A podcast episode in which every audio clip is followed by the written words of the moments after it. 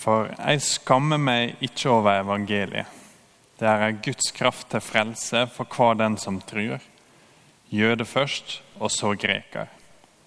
For i det blir Guds rettferd åpenbæra, av tru fra først til sist, som det står skrevet, den rettferdige skal leve ved tru. Slik lyder Herrens ord. Har dere hørt tekster før? Den er ganske kjent. Kanskje, kanskje en litt for kjent. Eh, det er noen ting som kan få, få, oss litt i gang med å legge merke til hva som står her. Jeg skammer meg ikke over evangeliet, sier Paulus. Og Det kan virke som den største selvfølgelighet. Klart han av alle ikke skjemmes over evangeliet. Han som kanskje er mest kjent for å ha forkynt det. Men når han sier dette, så må det nesten bety at han er kjent på et press til å skamme seg over det. Eller så gir ikke det så mye mening at han skal si at han ikke gjør det. Jeg skammer meg ikke over evangeliet, sier Paulus, for det er ei Guds kraft til frelse. Dere har hørt meg snakke om evangeliet før, håper jeg. Um, og jeg håper dere kjenner det ut inn sjøl. Og hvis ikke så har jeg lyst til dere til å bli kjent med det. Men evangeliet kan av og til bli litt sånn en tanketing for oss. Eh, og litt abstrakt at det er eh, noe som oss, oss tror på. Men så kommer mandagen, og så kan, kan det flyte litt. Så Derfor har jeg prøvd å snu opp ned på, på versene. Hvis det kom noen og sa akkurat det motsatte av det Paulus sier her, hvordan kunne det hørt, hørtes ut?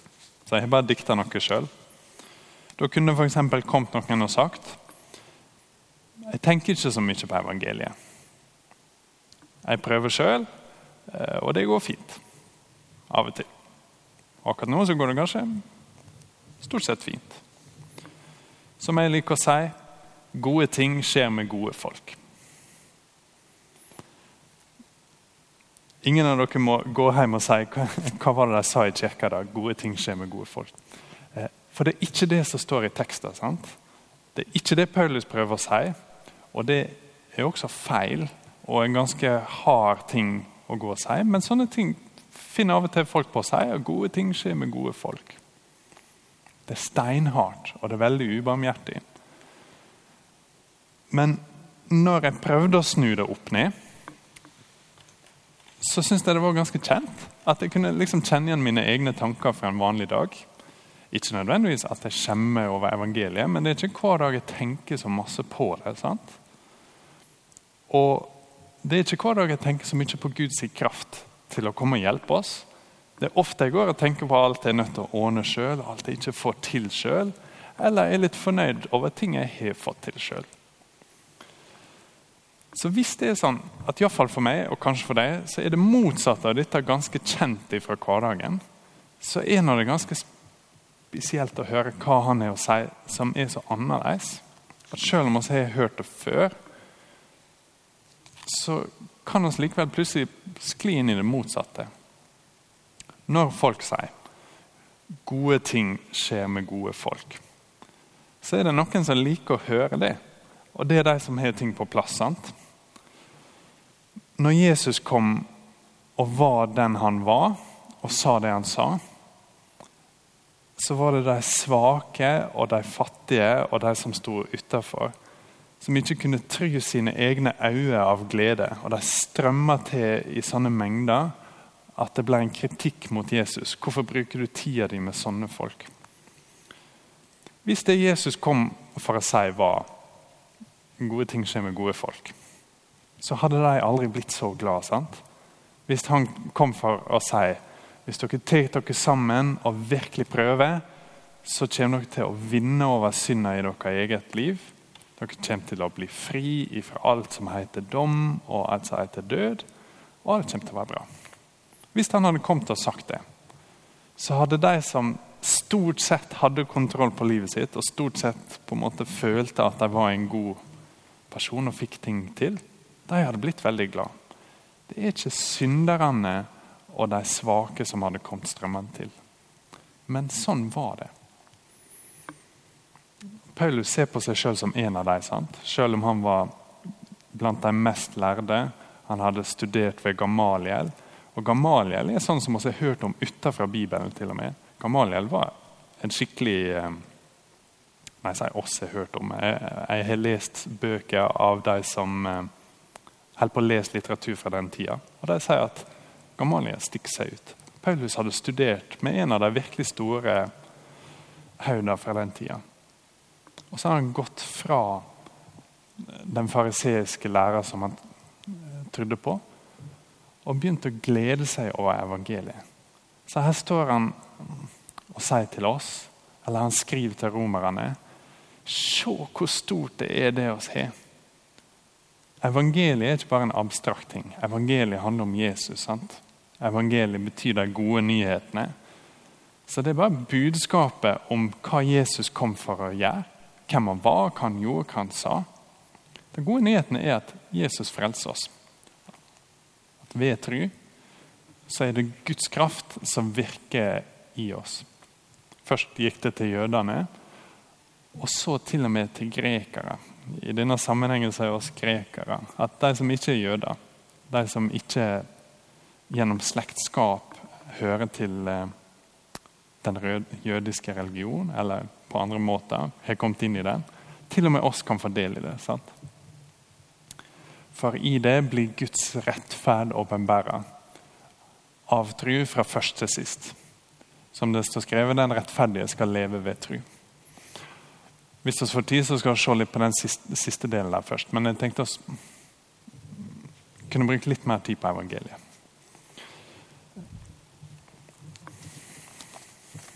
Evangeliet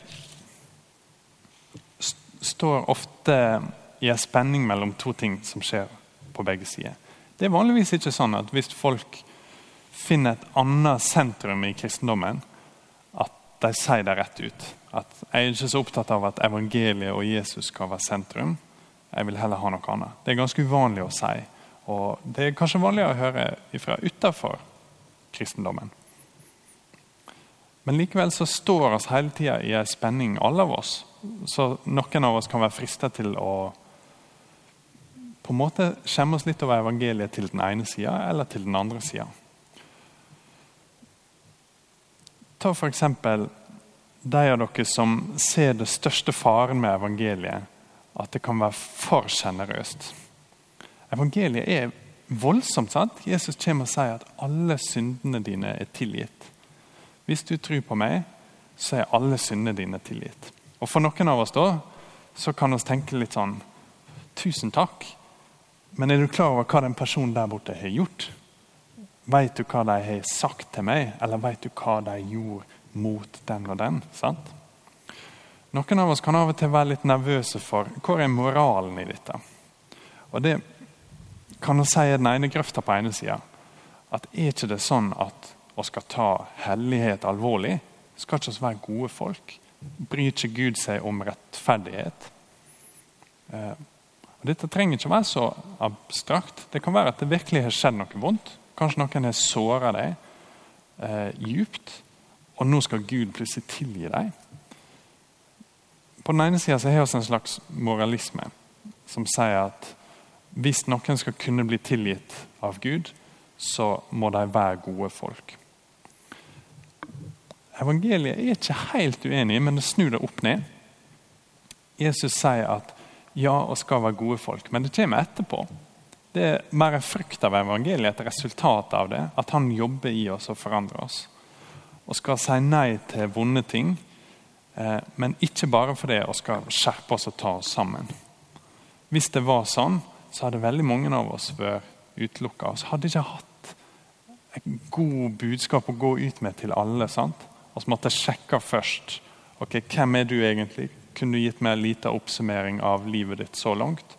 Og så skal jeg se om det er noe håp for deg. Det er ikke sånn. Det er, her er et enormt håp, og det møter deg der du er, og det vil forandre deg sånn som du er. For andre av oss så er ikke det det som er faren, kan du si. Altså Jeg har heller en tendens til å drive til andre sida. Eh, og si at evangeliet er litt voldsomt i at det skal snakke om synd hele tida. Kanskje vi bare legger vekk alt det negativiteten. Hvorfor, hvorfor snakke om synd? Kanskje bare si Gud er glad i alle. Og så ferdig med det. Da har du på en måte fått sagt det viktige. Det stemmer nå. Gud er glad i alle. Gud har skapt alle. Og Gud ønsker at alle skal vende om og tro på ham. Men det blir for enkelt. sant? Eh, da har ikke vi noe håp å gi til de som virkelig roper etter rettferdighet.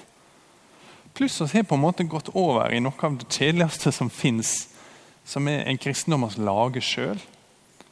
Det er masse masse, masse mer spennende med en kristendom som vi oppdager i Bibelen. For da har vi mulighet til å møte den levende Gud og la han fortelle oss hvordan han er. Med en gang vi begynte sånn Jeg liker heller å se for meg Gud som også et eller annet som vi liker å se for oss Gud for. Ok, men da må vi være ærlige nok til å si at da har vi begynt å lage noe sjøl. Og det er ikke det vi er ute etter. Vi har ikke lyst på en norsk kristendom. Eller, det er ingen som jeg håper jeg er interessert i en kristendom som jeg lager. Jeg har ikke lyst på min egen religion. Jeg har lyst til å kjenne Jesus. sant? Jeg har lyst til å oppdage hvem han er, og hvem han sier han er. Og hva han sier er problemet. Evangeliet er kjempetydelig på at synd er et reelt problem, og at Guds dom er en reell ting som kommer. Og det bør oss overraskende nok være takknemlige for. Jeg las en forfatter en gang som sa at eneste måten han kunne hjelpe folk der han var fra, å ikke være voldelige, var med håpet om at Gud kom til å stå for all rettferdighet en dag. Det hadde vært grusomme ting som hadde skjedd. Eh, så, så fælt at jeg ikke har lyst til å si det engang. Men helt forferdelige ting som folk hadde gjort mot uskyldige folk i sin landsby. Og folk satt igjen og brant av hevnlyst. Sant? De hadde lyst at folk skulle dø som straff for dette. De hadde lyst til å ta det inn i egne hender. Og Han skriver at det eneste han kunne gjøre, var ikke å si at det er ikke så farlig. For det var farlig. Det hadde vært helt forferdelig. Men det han kunne si, var at jeg kjenner en Gud som bryr seg om det rettferdige. Han kommer til å gjøre alt rett. All, alt gale kommer til å bli sona. Enten så må de sone det sjøl, eller så har Jesus allerede sona det for deg og for meg. Og så er det et større håp hvis vi tør å gå inn i dette som er ganske ukomfortabelt. sant? Men sånn er det når ting er ekte. Når ting er ekte, så er det ofte ikke så enkelt. Kan ikke bare si at Gud er glad i alle? Ok, Det høres ganske enkelt ut, men det ekte er at Gud ser et problem, og så har han løst det problemet. Så løsninga vår blir ikke å tone problemet. Løsninga blir å se på løsninga. Paulus sier jeg skammer meg ikke over evangeliet, for det er Guds kraft til frelse for hver den som tror. Det er det som er Guds kraft. Det er der Gud bruker sin kraft til å frelse oss. Gjennom Jesus. At Jesus kommer og dør for oss og står opp igjen fra de døde. Gjennom det Jesus sier, gjennom det han er, gjennom at han blir født i jula og dør i påska. Og til og med gjennom at han sender oss Den hellige ande, sånn at vi kan ta del i dette. Her er evangeliet. Det er Guds kraft til frelse for den som tror. Jøde først, og så greker. Dette er ikke det første vi skal lære i kristendommen, og så skal vi gå videre til et eller annet. Dette er sentrum i kristendommen. Alt oss tror og alt vi eh, skal gjøre ut fra trua vår. Det går på en måte i bane rundt dette. Dette er sentrum. Hvis vi flytter sentrum over på noe annet, så går oss vekk fra krafta og går vekk fra det som er mest spennende og mest livsforvandlende, så går vi over til noe annet. Og Det er hele tida noe vi blir frista av, sant? for det er gode ting rundt oss. Noen kan si kjernen for meg i kristendommen er denne musikkstilen her, som jeg liker veldig godt. Musikk er kjempebra, sant? men det tåler ikke å bære hele livet ditt. Og Det er ikke noe du kan gå ut og gi til alle, uansett hvem de er og stole på at det kan være det beste de kan få. Eller noen kan si det å hjelpe de fattige, det er kristendom for meg. Og Det står i Bibelen også at det er sann eh, tilbedelse av Gud det å hjelpe enker og farløse sant? Og, og de trengende. Men til og med det, som er en så god ting, det tåler ikke å være sentrum. Så er nødt til å være kobla på denne krafta her hvis du skal kunne gjøre noe bra for de fattige. En forfatter, en um, sekulær, liberal tenker i Canada som heter Charles Taylor, han sier at det er et problem for de som vil hjelpe de fattige. Og ikke bare de som i teorien er lyst, men de som virkelig går inn for å hjelpe de svake og de trengende, de stanger ofte på et problem i seg sjøl.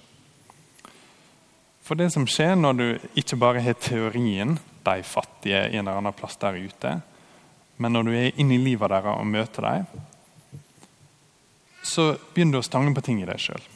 Og hermed går det an å gå i to grøfter. Noen, hvis du skal ha en moralistisk leir her borte, da, sier ok, jeg prøver å hjelpe denne fattige personen, men de feller tilbake i ting sjøl. Kanskje de har havna i rus. Og så er det tydelig at ja, det er ting i livet deres, det er ting i dem som ikke bare er godt. Og de har, jeg begynner å se at de, akkurat denne personen har faktisk gjort noen ting. Si at du møter en sånn person. De er ikke bare et offer. Da kan det være lett å si Ok, hvis det er sånn det skal være, da får du klare det sjøl. Og så er det noen helt i andre enden sant, som går i en annen grøft. Som sier ok, nei, jeg tenker du er virkelig bare et offer. Det er ikke noe ondt i deg. Kun, det er kun skjedd vonde ting mot deg. Og Sånn er det for mange. At de er virkelig offer. sant? Men da kan de bli litt motløse. At de står liksom stange mot et eller annet. og eh, det er akkurat som de mangler et større håp, sier han her, tenker han Charles Taylor. At han ser at folk på mange ulike måter kan miste motet. Og Det er noe veldig lett å forstå. Jeg skal ikke si sånn at Bare tro på evangeliet, så er det veldig lett å stå i det og hjelpe de svake. For det er noe av det vanskeligste som fins. Men vi kan iallfall se, håper jeg, at oss har et håp å tilby alle, enten de er svake eller syke eller fattige eller de er rus, så trenger ikke også, vi trenger ikke å rote oss inn i hvem sin feil er dette. Er det din feil at du er fattig, på en måte? eller er det systemet sin feil? Vi kan gå til dem med et håp som er større. Vi kan si oss kjenner en kraft som kan la dem komme til Gud. Vi kjenner et håp som er uendelig stort. Nå åpner jeg mange dører. Jeg skal ikke gå inn i halvparten av dem. Eh, hvis du vil snakke mer om akkurat dette, så var det kanskje et litt dårlig eksempel. Så det kan vi snakke mer om etterpå. Men det jeg har lyst til å vise dere, er vi skal ikke dette av evangeliet på ene eller andre sida. Vi eh, skal ikke forenkle det for masse. Vi har noe stort. Gud holder på å vise oss noe som vi skal oppdage, og vi kan koble oss på det. Ok, Et eksempel til, som vi snakka om eh, før sommeren. Hvis du lever et moralistisk liv, så er det vanskelig å være glad. Det er skikkelig vanskelig å være glad, for du tvinger deg selv til å ta deg sjøl høytidelig. Måten jeg lever livet mitt på, er det som skal bære eller briste. Derfor må jeg ta meg sjøl høytidelig. Da er det ganske vanskelig å være glad. Sjølhøgtidelighet er en god måte å kvele glede på. Ingen av dere må prøve. Men på andre sida også Hvis det ikke fins noe gale, hvis det blir relativistisk og du må bare gjøre det som er greit for deg, så kan også glede være vanskelig. Det kan være vanskelig å finne hvor er det egentlig, hva er det egentlig som er meg. Hvor er det jeg skal være glad? Skal jeg være glad her, eller har jeg virkelig funnet det som er rett for meg nå? Og det kan være ganske slitsomt. Og det viser seg, dette som egentlig er den ledende tanken i mange kretser i dag, at vi er mindre lykkelige. Evangeliet tilbyr oss en massiv glede. Det setter oss sjøl lavt, men det setter Gud høyt. Og det gir oss et håp som er evig. Så jeg skulle si litt om den andre delen, men jeg skal prøve å være kjapp. Når, Paulus, når, Paulus, når Luther leste dette, så hang han seg veldig opp i det at det står Guds rettferdighet. Og Det var en ting som tynga veldig ned. Her kommer den rettferdige Gud for å dømme meg. Og så var en av hans sine store oppdagelser, som jeg håper kan være vår oppdagelse Tanken her er ikke at det blir åpenbæra at Gud er rettferdig i den forstand at han skal dømme oss. Det blir åpenbæra at Gud kommer for å gi oss rettferdighet. Det som er meint i verset, er at Gud er rettferdig. Gud er den som gir rettferdighet. Av tru fra først til sist, som det står skrevet. På gresk står det 'av tru' og 'til tru'. Og Så siterer han fra Det gamle testamentet 'Den rettferdige skal leve ved tru'. Sitatet er litt rart hvis du slår det opp i Habakuk så står det den rettferdige skal leve ved trufasthet. Ved sin trufasthet. Og Da er det ment Guds trufasthet. Så hvis du ser på mynten fra den ene sida, så er det oss kan leve ved vår rettferdighet. For det er Gud er trufast. Han gir oss ei rettferdighet. Og Hvis du snur mynten og ser det på andre sida, så kan du si det sånn at den som får rettferdigheten sin fra Gud, han skal leve ved tru. Gud gir oss trua i gave, sånn at vi kan ta imot dette med vår tomme hånd. Vi trenger ikke å skjemmes over evangeliet. Evangeliet er Jesus. Det er Jesus som kommer til oss. Vi snakker ikke om noe abstrakt her, vi snakker om en person. Jesus er kommet til deg. Jesus kommer til deg nå og tilbyr deg sin nåde. Ta imot